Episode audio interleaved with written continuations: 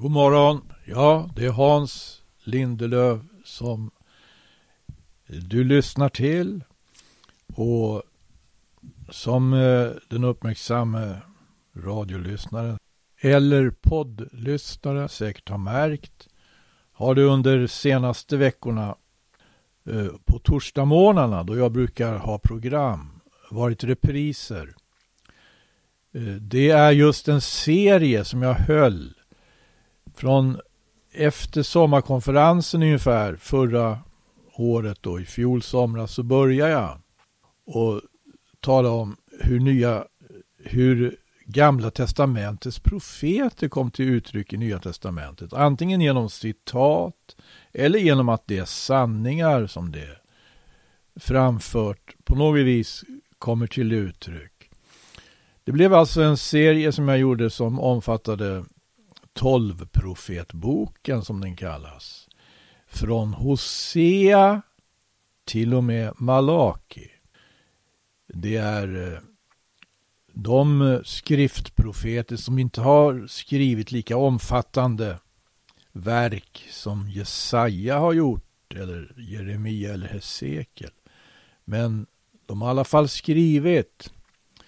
Och att vi låter det här gå i repris, det beror på att det har kommit önskemål om att det ska gå i repris. Så därför gör det det också. Och jag tror, om jag inte misstar mig nu, att ni har hört i repris har gått Hosea, Joel och Amos. Och då kommer det alltså fortsätta de kommande torsdagarna. Eh, efter det här programmet. För det här blir nu ett avbrott i, de här, i den här serien av repriser. Och vad jag tänkte göra den här gången är att tala om en starkare vind. Och då ska vi gå till Matteusevangeliets 14 kapitel. Och det handlar ju om att Jesus bespisade 5000 män det skedde genom ett under. Då han inte hade så mycket att dela. Fem bröd och två fiskar var allt som fanns. Men det, när det kom i Jesu händer så räckte det till att mätta 5000 män. Står om det just i 14 kapitlet i Matteus evangelium i 21 versen. Det som hade ätit var vid pass 5000 män förutom kvinnor och barn. Och alla fyra evangelisterna är överens om det här i detalj nästan. Helt. Men sen heter det så här i 22 versen. Strax därefter nödgade han sina lärjungar att stiga i båten och före honom fara över till andra stranden medan han tillsåg att folket skildes åt. Och sedan detta hade skett gick han upp på berget för att vara alena och bedja. När det så hade blivit afton var han där ensam. Båten var då redan många stadier från land och hårt ansatt av vågorna. Ty vinden låg emot. Jag läser 1917 därför lite ålderdomliga uttryck här, men jag tror de är inte helt obegripliga. Ty läser jag. Och alena.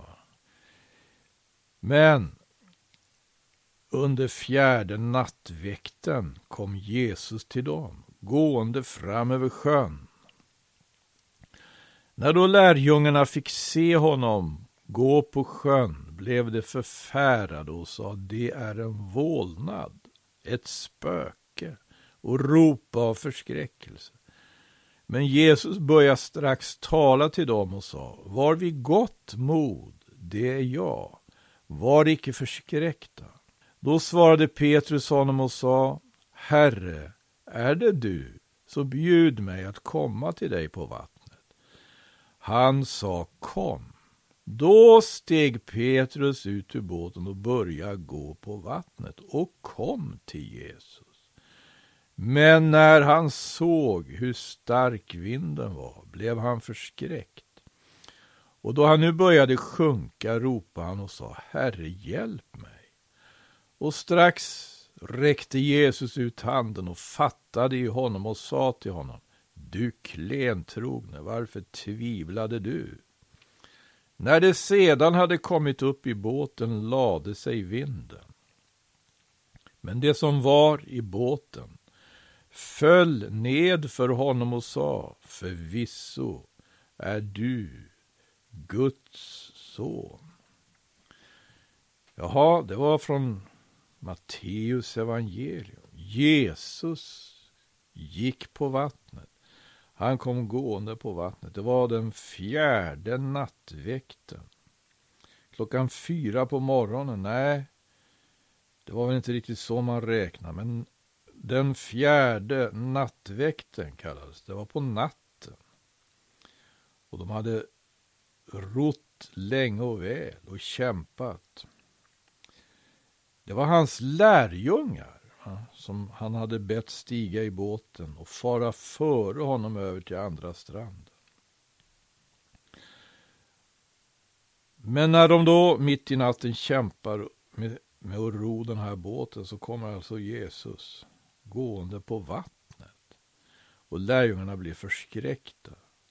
Tycker att det verkar som att det kommer ett spöke och de ropar högt av förskräckelse. Men så hörde de Jesu röst. Och han sa till dem, var vid gott mod. Det är jag. Var icke förskräckta.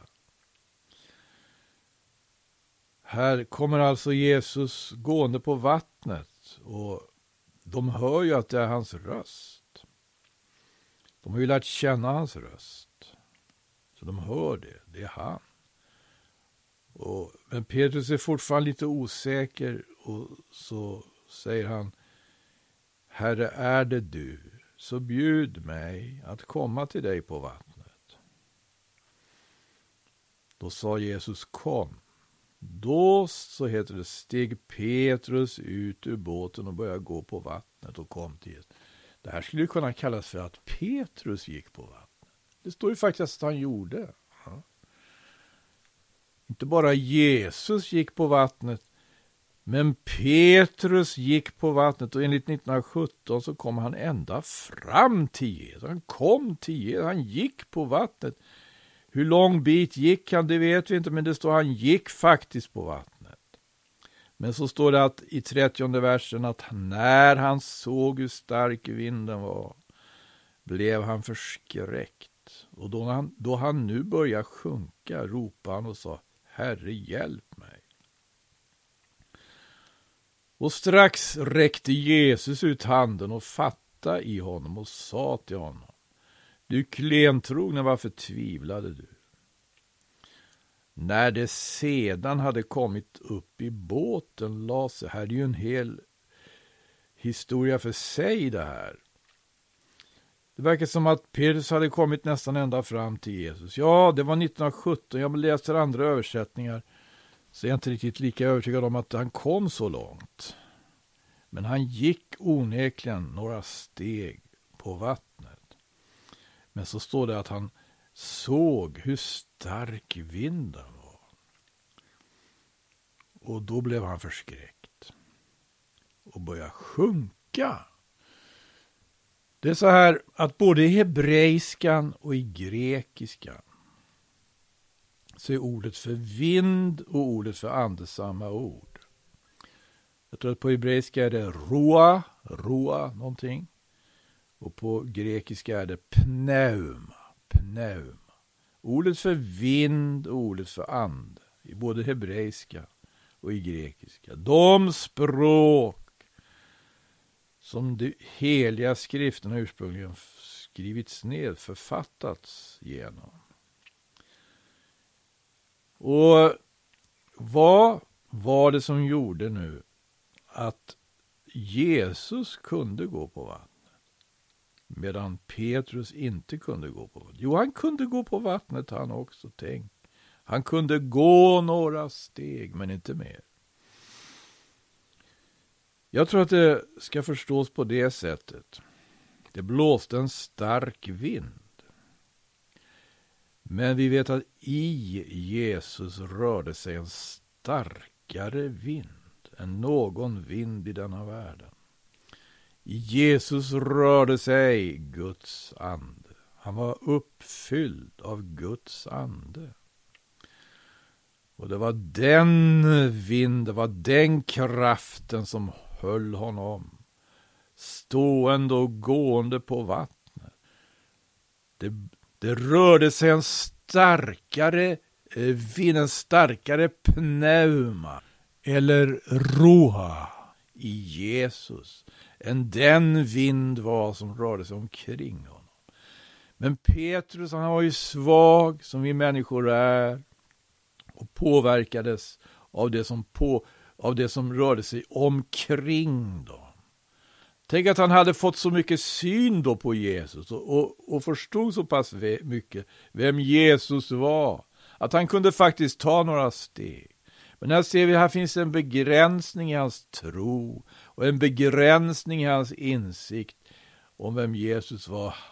Halleluja, säger jag. Prisad var det den levande guden. Att i Jesus rörde sig och rör sig en starkare vind än någon vind i denna världen. En större styrka finns. En större styrka.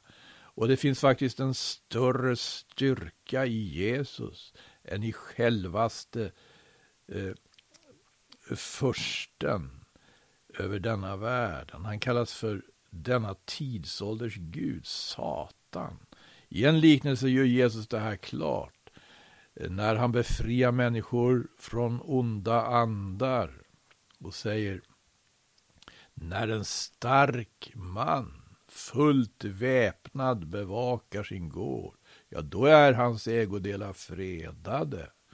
Men om någon som är starkare än han angriper honom, så han utskiftar ägodelarna. Vi har att göra med en som är starkare än den starke. I Jesus rörde sig en starkare vind än någon vind i denna världen är. Och Petrus fick liksom kon på det här, men han blev så påverkad av de yttre omständigheterna, av den vind som blåste omkring dem. Att han började sjunka, började sjunka. Och strax, heter det, räckte Jesus ut handen och fattade i honom och sa till honom. Du klentrogne, varför tvivlade du? Det var någonting som brast alltså i fråga om tro. Det kan vara något som brister i fråga om vår tro. Det här skriver Jakob om i sitt brev. Det här skriver aposteln Paulus om i sitt brev till Thessalonikerna. Att, de, att han skulle vilja komma till dem och avhjälpa vad som möjligen brister i deras tro. Ja, Matteus 14, kapitel 14 och vers 32. När det sedan hade kommit upp i båten la sig vinden. Men det som var i båten föll ned för honom, eller tillbad honom och sa, förvisso är du Guds son. Och Jesus hade inga invändningar.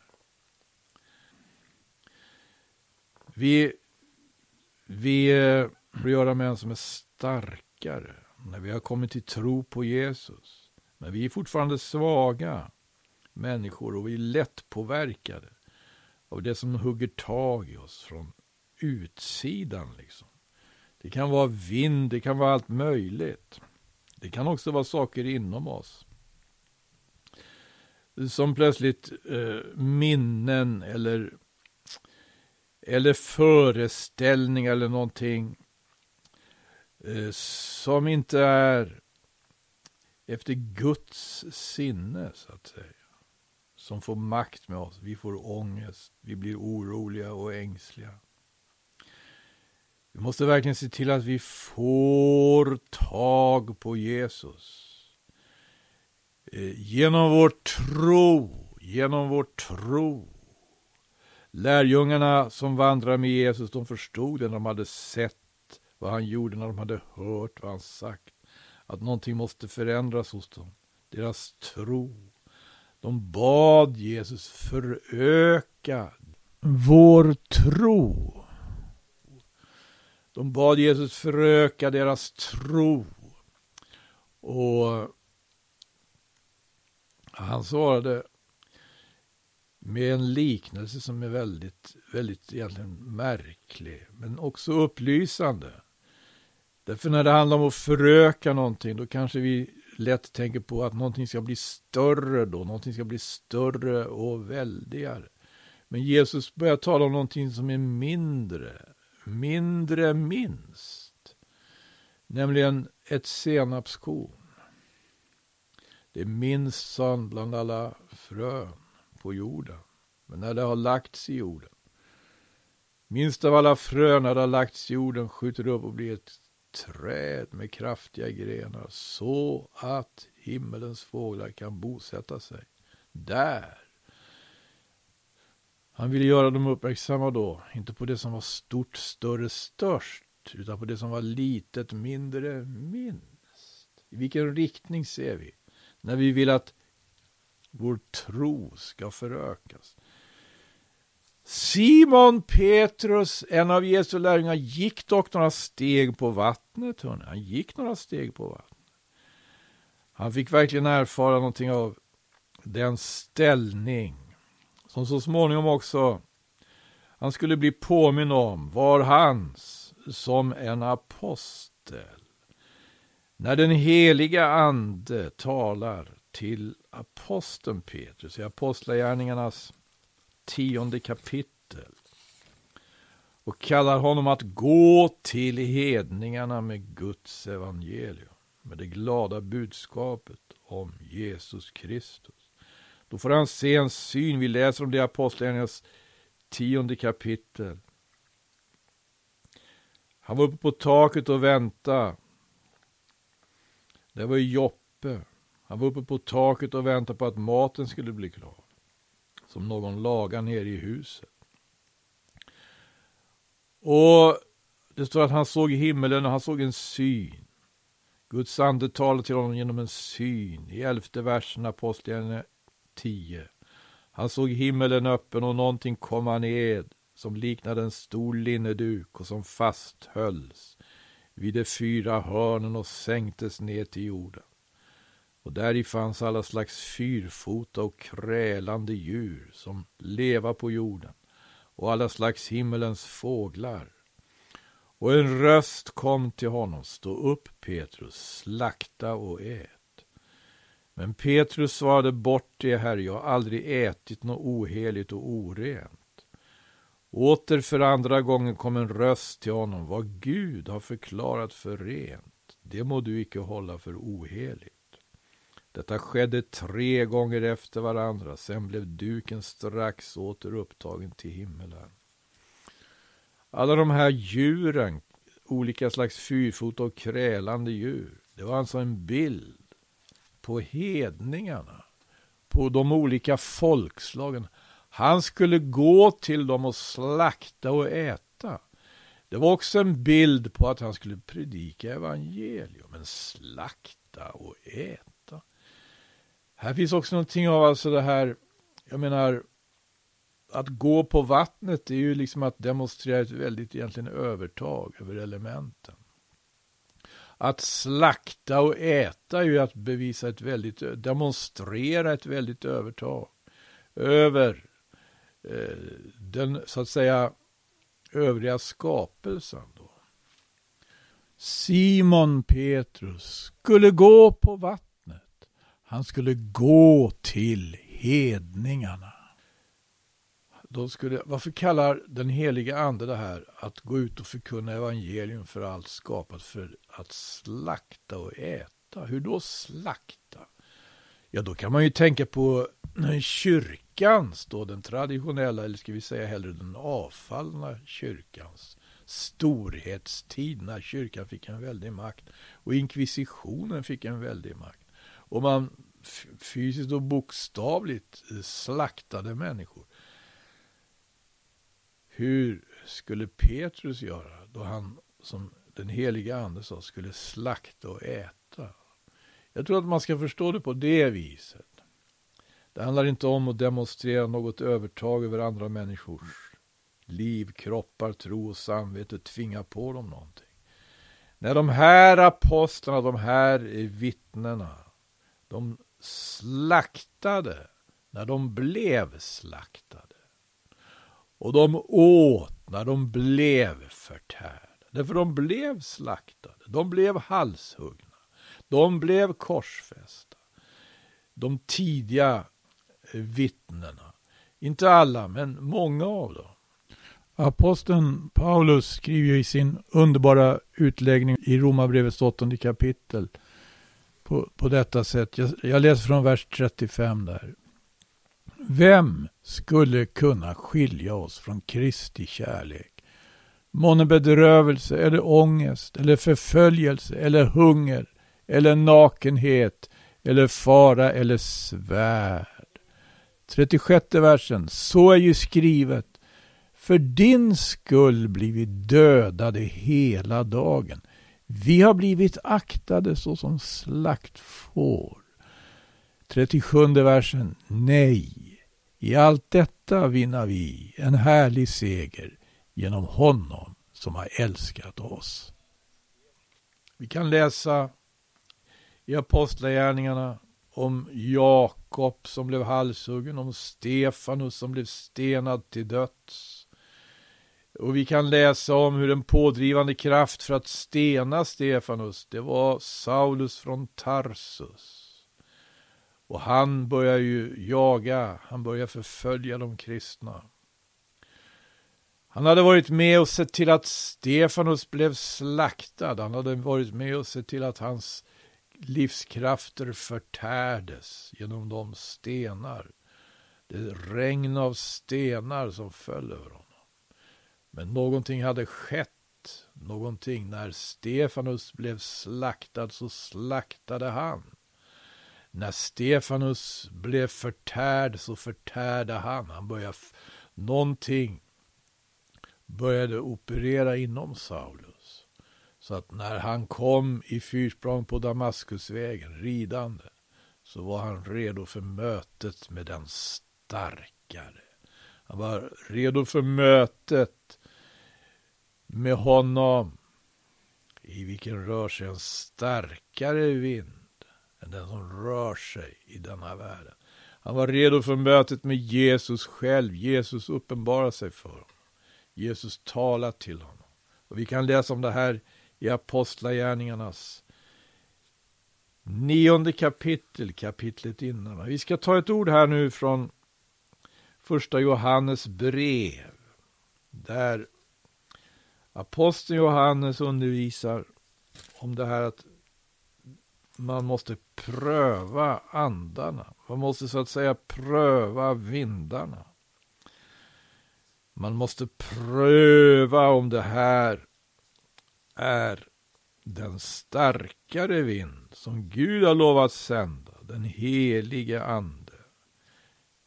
Eller om det är något annat, någon annan vind, någon annan ande. I det sammanhanget att han undervisar om det här i Johannes brevs första, fjärde kapitel. Då skriver han också så i fjärde versen där. Ni, kära barn, ni är av Gud och har övervunnit dessa. För han som är i er är större än den som är i världen. Så är det så skriver Herrens apostel. Så är det. Kom, sa Jesus till Simon Peter. Och han gick några steg på vattnet. Vid ett annat tillfälle sa den helige ande, stå upp Peter, slakta och ät.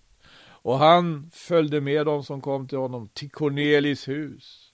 Och han begick ingen, inga övergrepp mot dem som var samlade där. Han talade till dem. Han var en i den skaran som själva blev slaktade. Men när de blev slaktade så slaktade de. När de blev uppätna så började de äta. De började förtära människors hjärtan och samveten och själar. Man kunde inte släppa intrycket.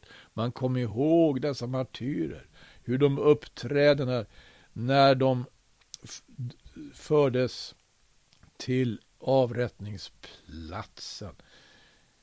Och det finns ju exempel historien igenom. Det fanns ett sätt också att missförstå det här övertaget som Gud ger människor som tar emot honom, som tar emot hans son Jesus Kristus, som tar emot den heliga Ande. Och då utvecklas det här som kallas för Nikolaiternas gärningar i de sju sändebreven, eller Nikolaiternas lära. Nikolaiterna, vilka var det som det står om i de sju sändebreven? Det står i det första sändebrevet vad jag vet redan. I sändebrevet till Efesus. Där står det som så. Vi går till Uppenbarelsebokens andra kapitel. Får, den församlingens sändebud får en viss kritik, men i sjätte versen står det att han får också beröm. Den berömmelsen har du att du hatar Nikolaiternas gärningar, som också jag hatar, sa Jesus. Vad är Nikolaiterna? Det är de, om vi, jag, jag tror man kan ta viss ledning av det här, själva namnet, Nikolaiter. Det var alltså de som följde Nikolaus. Och Nikolaus betyder att underkuva folket. Att sätta sig på folket. Det låter som om det var det Gud kallade Petrus till när han sa slakt och ät, men det var inte det han kallade honom till. Han kallade honom till tjänst. Och Nikolaiterna missförstod uppenbarligen det här eller något annat som uttrycker just ett övertag. Det ska vara ett andligt övertag som Guds barn har, som Jesu efterföljare har. Men Nikolaiterna eh, var de som manifesterade ett, ville manifestera ett övertag genom till exempel sitt sätt att klä sig eller skaffa sig rikedomar. Eller på något sätt Eh, demonstrera sitt övertag genom denna tidsålders goda. Och det vet vi att det var det Jesus undervisade om, att det skulle man inte göra. Det skulle man vara beredd att avsäga sig när man har blivit hans efterföljare. Det här var några tankar jag har om det här. En starkare vind. Det rör sig en starkare vind i Jesus och det bör röra sig en starkare vind i hans efterföljare. Den vinden är inte som någon vind i världen. Det är Guds vind. Det är Guds ande. Och vi har blivit uppmanade att icke dricka oss druckna av vin, utan fast med låta oss uppfyllas av helig ande. Har vi gått några steg på vattnet? Kom! Låt oss gå vidare.